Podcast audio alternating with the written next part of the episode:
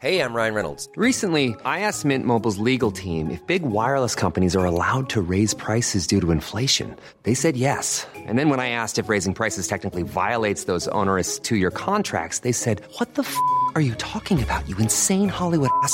F- So to recap, we're cutting the price of Mint Unlimited from $30 a month to just $15 a month. Give it a try at mintmobile.com slash switch. $45 upfront for three months plus taxes and fees. Promo rate for new customers for limited time. Unlimited more than 40 gigabytes per month. Slows. Full terms at mintmobile.com. Hiring for your small business? If you're not looking for professionals on LinkedIn, you're looking in the wrong place. That's like looking for your car keys in a fish tank. LinkedIn helps you hire professionals you can't find anywhere else, even those who aren't actively searching for a new job but might be open to the perfect role. In a given month, over 70% of LinkedIn users don't even visit other leading job sites. So start looking in the right place. With LinkedIn, you can hire professionals like a professional. Post your free job on linkedin.com slash people today.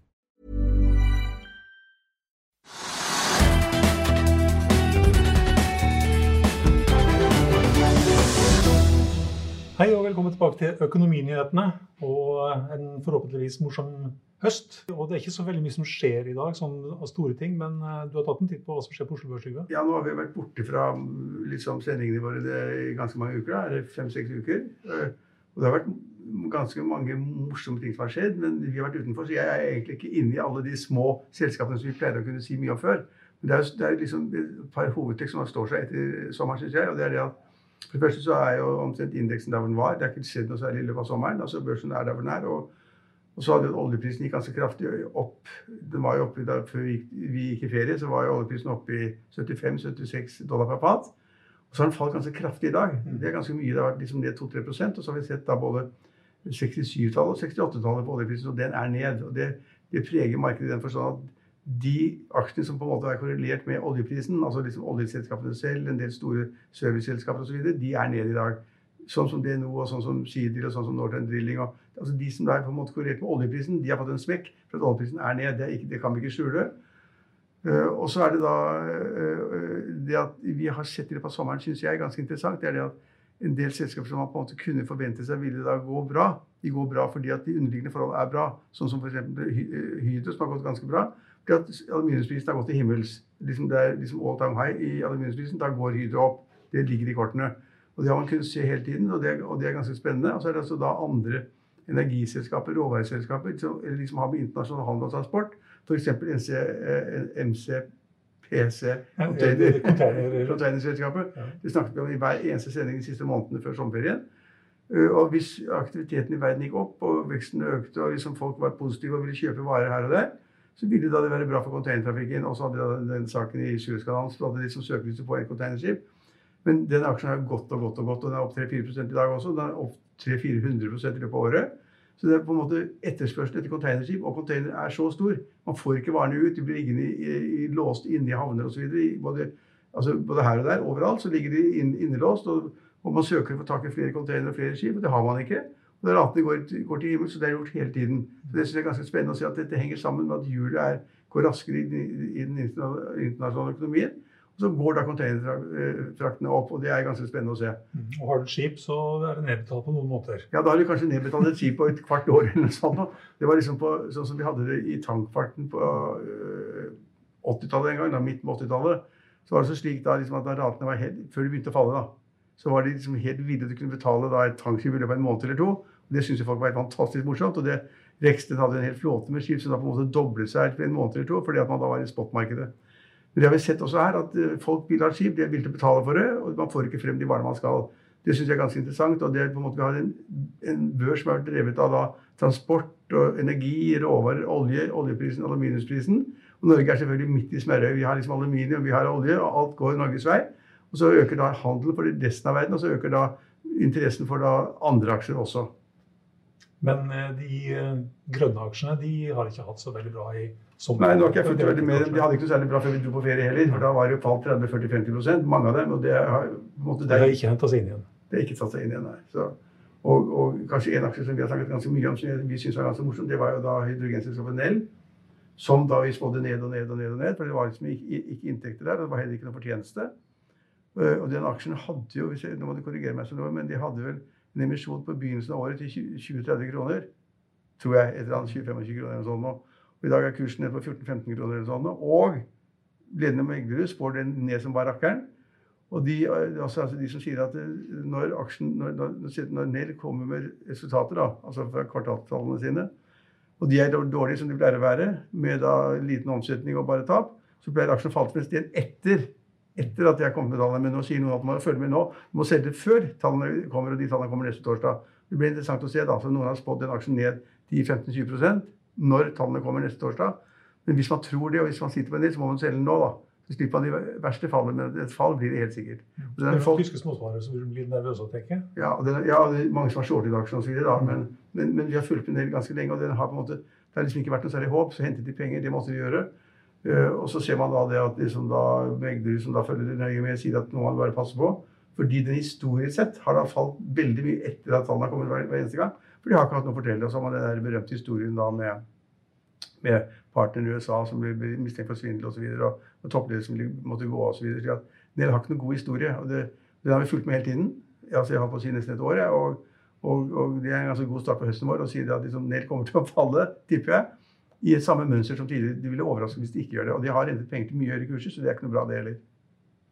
Eh, Sidril har vært også en gjenganger gjennom hele sommeren, og er det også i dag? Faller kraftig i dag òg? Ja, vi har jo snakket om Sidril i flere år. altså Helt fra restruktureringen begynte for to år siden. og den nye restruktureringen, altså plan 2. Og jeg tør ikke regne på hva det har vært engang. For jeg vet ikke, Det tror jeg bare Jon Fredriksen, altså nærmeste medarbeider, som skjønner egentlig hva, da, hva, som, hva som er verdien i hver aksje.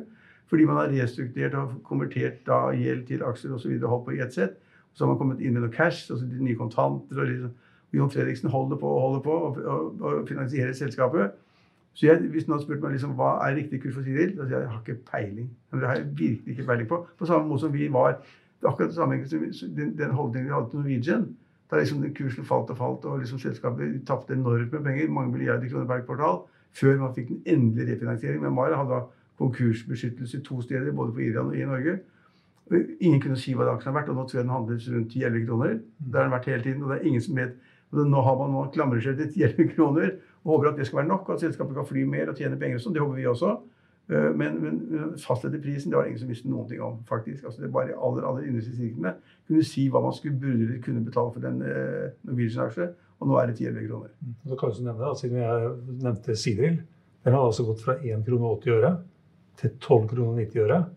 Og tilbake til 1 kroner 90 øre. ja, men der skal man ikke være, Stein Altså, du og jeg er konservative. Nei, men vi er konservative, vi liker å kutte tallene og se, forklare hva vi ser. Og den type selskaper skal man ikke være inne i som investor. men man kan har man liksom 10 000 5000 kroner som man vil sitte hjemme på PC-en og ha det gøy, så kan man satse på at hvis når har falt 1 krone, så vil den gå til 5 kroner igjen. Og så har man tjent noen, noen hundre prosent, men altså det, der bør man ikke være, etter min mening. Mm.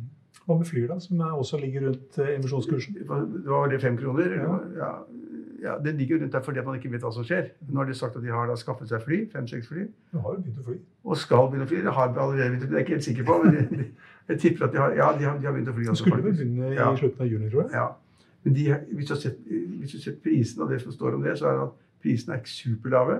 De er superlave på Norwegian, og de er altså ikke, kanskje ikke så lave på SAS. Men prisene i flytransport innenlands i Norge nå er helt i rock bottom. altså. Du kan ikke fly billigere enn du kan gjøre nå. Så hvordan de da etter hvert skal klare å tjene penger på det, det er vanskelig å se, fordi at konkurransen er så beinhard.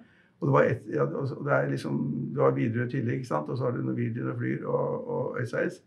Så det det markedet der, Hvis du ser på prisene, prissettingen nå, de bare må betale for billettene, så betaler du liksom 200-300 kroner for en tur til Trondheim, og så betaler du liksom 300 kroner til Tromsø. Det går jo ikke. altså Før flyet har tatt av på enda runwayen, så har de brukt opp pengene på, på, på, på drivstoff. Omtrent. Så det er jo en del morsomme ting fortsatt. Det er omtrent som da vi dro på feriestad over. Så er det ganske spennende hva som skjer. Liksom, da Indeksen ligger omtrent der den gjorde. Den ligger som 11,40 eller sånn nå. Og, og, det er jo, og det er, men altså, vi i Finansavisen har jo nesten daglig historier om folk som tjener masse penger, tjent masse penger på børsen og tjent masse penger hvert eneste kvartal. Så det er liksom, liksom mange tjener penger. Hvor kommer det fra? Hvor kommer det fra? Det, det, det, Hva? Ja, det er noen som treffer. Det er noen som treffer, ja. Det er noen som har truffet i Polite i dag òg. Den har Men eh, ja. Den aksjen kan jeg ikke, men den har oppstridt 14 ja, ja, ja. Er det de linsegreiene? Ja. Men han fikk ikke din ordre på 1 million kroner. Ja. Sånn. han kan ikke. Hvis aksjen går da 14-15 og de får en ordre på 1 million kroner, da er det på en måte, det er, det er et lite selskap. For første kvartal 2022. Ja. ja, ja. Altså, Men, men, men eh, det er et godt eksempel på det. Folk vet ikke helt hva de skal gjøre, så leker de til den, den aksjen, så blir den vinneren. It's that time of the year. Your vacation is coming up. You can already hear the beach waves, feel the warm breeze, relax, and think about work. You really, really want it all to work out while you're away. Monday.com gives you and the team that peace of mind. When all work is on one platform and everyone's in sync, things just flow wherever you are. Tap the banner to go to Monday.com.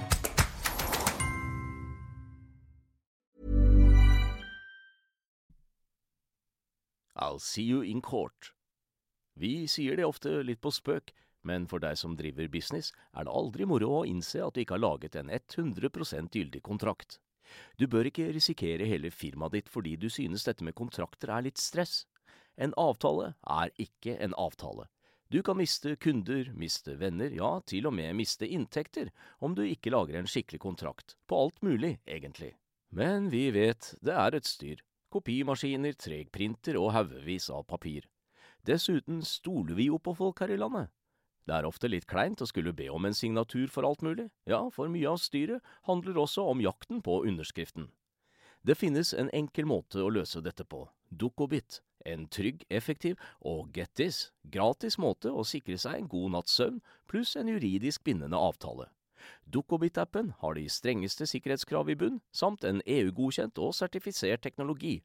Framover vil det bli behagelig å spørre du, skal vi skrive under på det, eller? Kom i gang på dukkobit.no.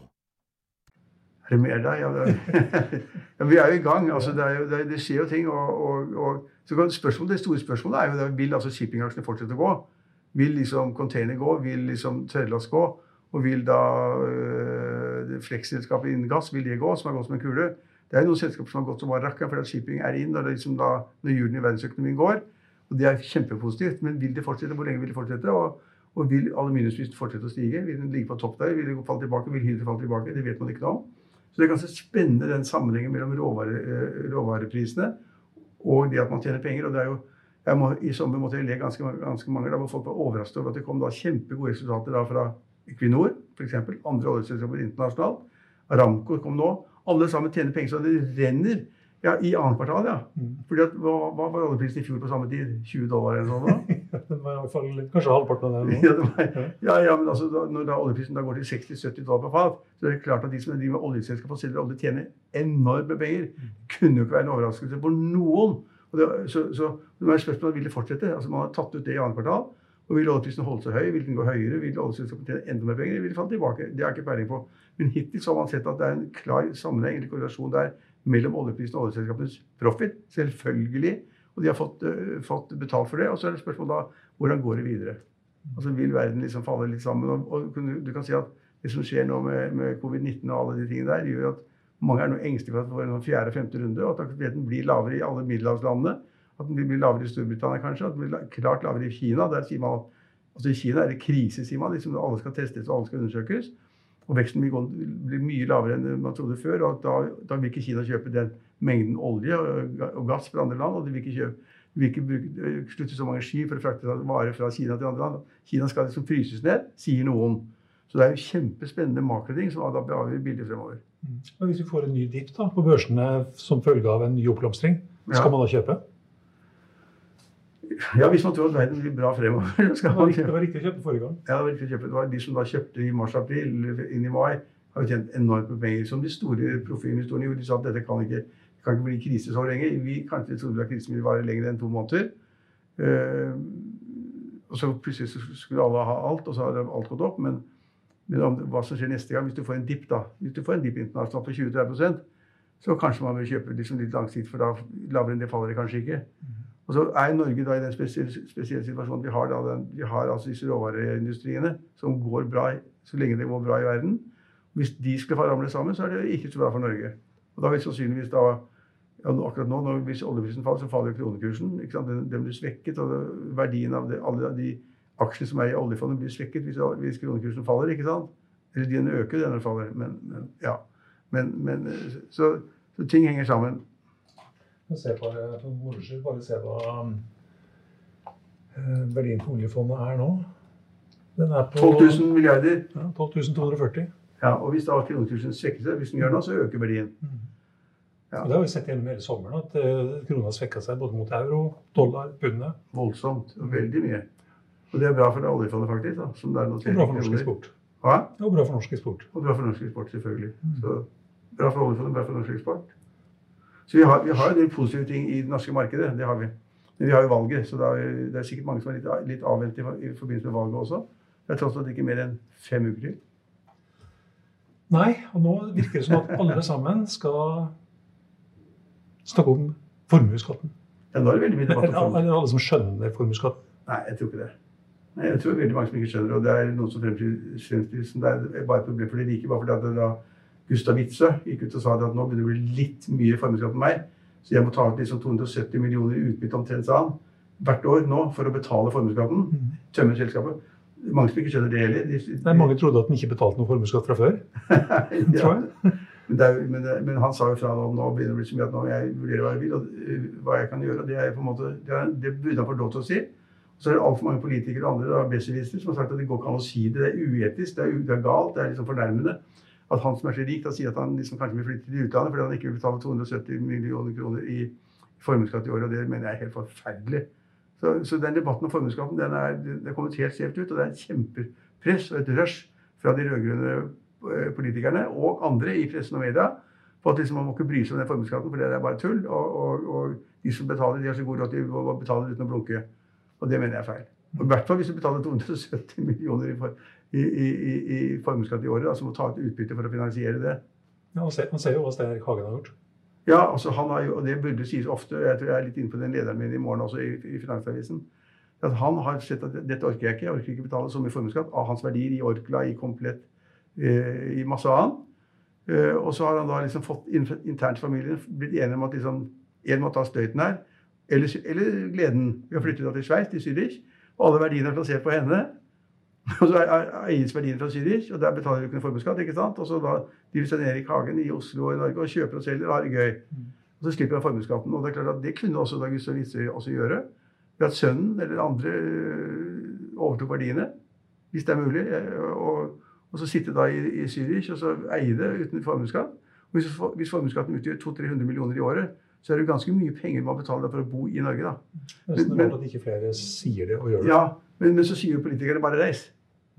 Skiter i vitser, vi skiter i, i, Hagen og alle de andre. Det sitter jo minst 100 rike familier i norske rike familier i Rotterdam i dag allerede.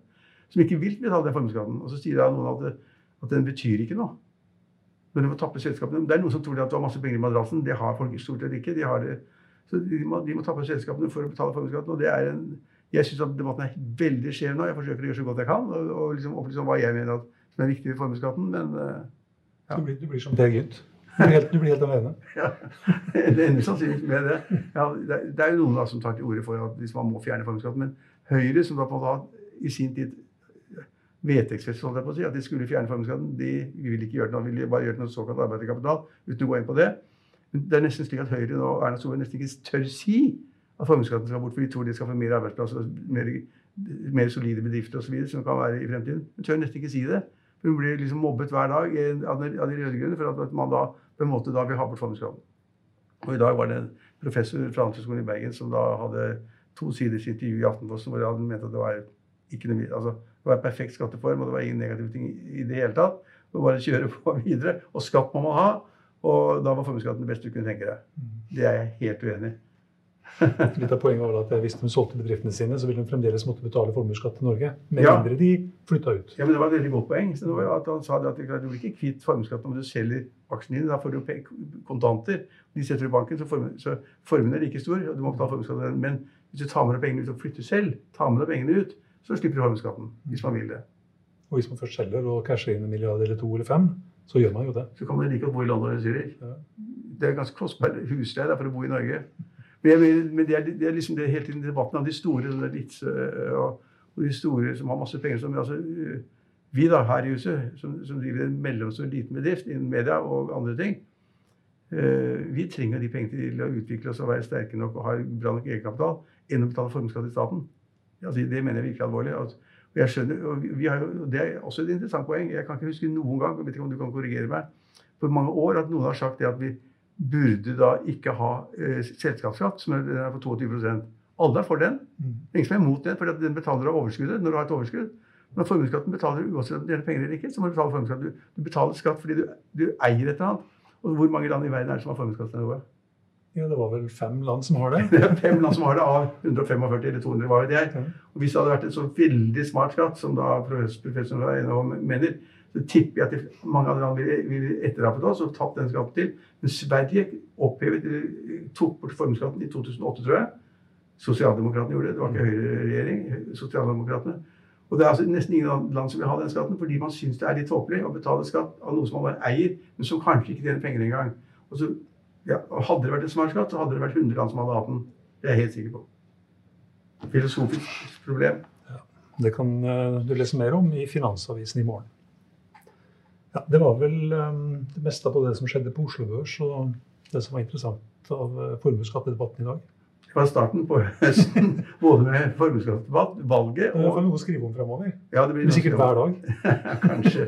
Fordi det var arveavgiften. Og ja, det, er, det er mye som skjer. Det er, det er, det er spennende. Altså, det er ikke så spennende valget. 99% sikkert så er det da at regjeringen kommer til å gå av for en ny regjering. Men det er jo litt spennende hva opposisjonen, de som skal bli ledende statsrådene, hva de mener om det ene pro- problemet og det andre. Så er jo da både Arbeiderpartiet, Senterpartiet og SV og Rødt de er uenige om masse. De er uenige om veldig mye, så det blir veldig det blir spennende å se hvordan regjeringen kommer til å se ut. da. Er det noen som har spurt uh, Trygve Slagsvold Vedum om hvorfor Arbeiderpartiet, hvorfor ikke Høyre? Nei, ja, nei er, jeg, jeg kan- ikke huske at de har spurt om det, men de hadde jo samarbeidet da fra, 2000 og, fra 2005. Så de hadde jo samarbeid, så da er det ja. ja. Men han lefler jo med høyresiden også. Og, og SV er forbanna. helt utelukket? At han går til høyre? Ja. Ja. Altså, helt utelukket. Nå har han fått sånn, han fått sånn statsrådbil med politivakter også. Så. Han har fått det over øya. Ja. og det skjønner jeg. Han har fått beskyttelse fra PST, og det, kan, det er alle ledende politikere har jo det. Også Jonas Gahr Støre, Erna Solberg, og også nå Trygve Slagsvold Vedum. Så nå raser han frem og tilbake mellom Hamar og Oslo i den bilen, og det vender seg fort i den der sorte bilen. Jeg så han i valgkampgata i Trondheim i, i forrige uke. Så da Han, ja, han var omkretset av eh, damer på samme alder. Ja, nå blir det spennende høst. Vi håper seerne våre også syns det er spennende, da. Ja, I Finansavisen i morgen så kan du lese Trygve Egners leder om formuesskatten og NHO-professoren som gir Erna Solberg og Gustav Witzøe stryk. Et vannrenseselskap legger frem rekordtall og vi noteres på Oslo Børs. Og du kan også lese om oljeprisfallet, som har kommet raskere enn mange har trodd. Det var det vi hadde for i dag, men vi er tilbake igjen i morgen klokken 15.30. Følg med oss igjen da.